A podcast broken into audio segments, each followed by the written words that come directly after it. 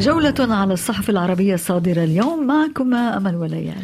شكرا ريتا أمل. مقتل العشرات من الفلسطينيين أثناء محاولة حصول السكان في غرب مدينة غزة بشمال القطاع المحاصر على مساعدات إنسانية. هي من أهم المواضيع التي تناولتها الصحف العربية هذا الصباح. أمل ما أهم ما قيل حول هذا الموضوع؟ نعم ليال في صحيفة القدس العربي نقرأ العنوان التالي مجزرة الخبز. تجويع الفلسطينيين ثم تجميعهم لقتلهم. واعتبر كاتب الافتتاحية أن إسرائيل حاولت حاولت التنصل من المسؤولية وتحميلها للفلسطينيين في حين أكد الإعلام الحكومي في غزة وجود نية للهجوم على النازحين. أما صحيفة الشرق الأوسط فعنونت مجزرة الجوعة على مائدة مجلس الأمن في إشارة إلى طلب الجزائر عقد اجتماع عاجل لمجلس الأمن للنظر في الحادث الدموي. صحيفة الخليج من جهتها عنونت مجزرة الجياع فضيحة دولية وأشار كاتب الافتتاحية إلى أن المجتمع الدولي لم يستطع هذه المرة التغاضي عن الجريمة.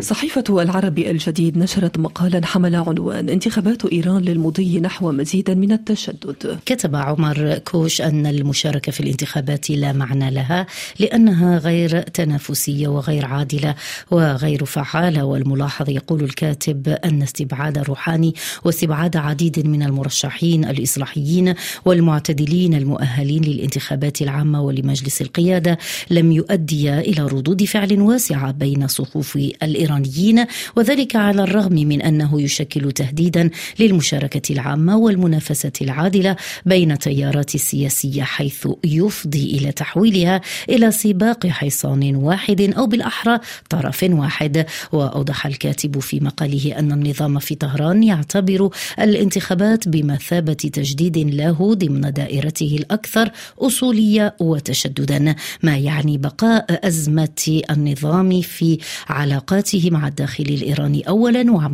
ومع الخارج الدولي والإقليمي ثانيا. إربيل بغداد واشنطن. في اليوم التالي للانسحاب نقرأ هذا العنوان في صحيفة الشرق الأوسط. كتب مصطفى فحص أن انحياز واشنطن الدائم إلى تل أبيب دفعت ثمنه أربيل أكثر من مرة وهو الذريعة التي تستخدمها طهران وفصائلها المسلحة للضغط على واشنطن عراقيا عبر أربيل فيما واشنطن التي تلوح بفكرة الدفاع عن الأصدقاء والشركاء.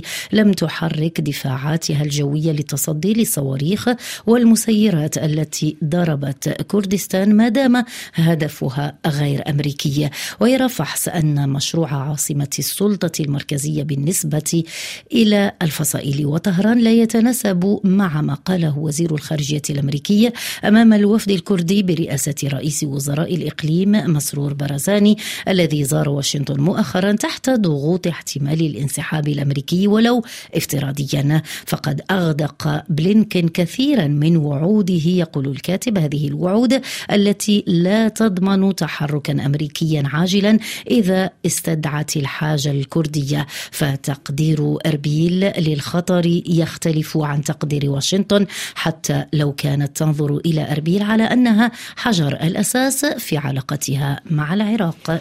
هل اقترب رحيل الدبيبة تساءلت صحيفة العرب اللندنية؟ أشار الحبيب الأسود في مقاله إلى أن الاتفاق في ليبيا يكاد يكون جماعيا على ضرورة الإطاحة بالدبيبة وبحكومته لفسح المجال أمام تشكيل حكومة جديدة موحدة تبسط نفوذها على كامل الجغرافيا الليبية وتهيئ الظروف لتنظيم الانتخابات.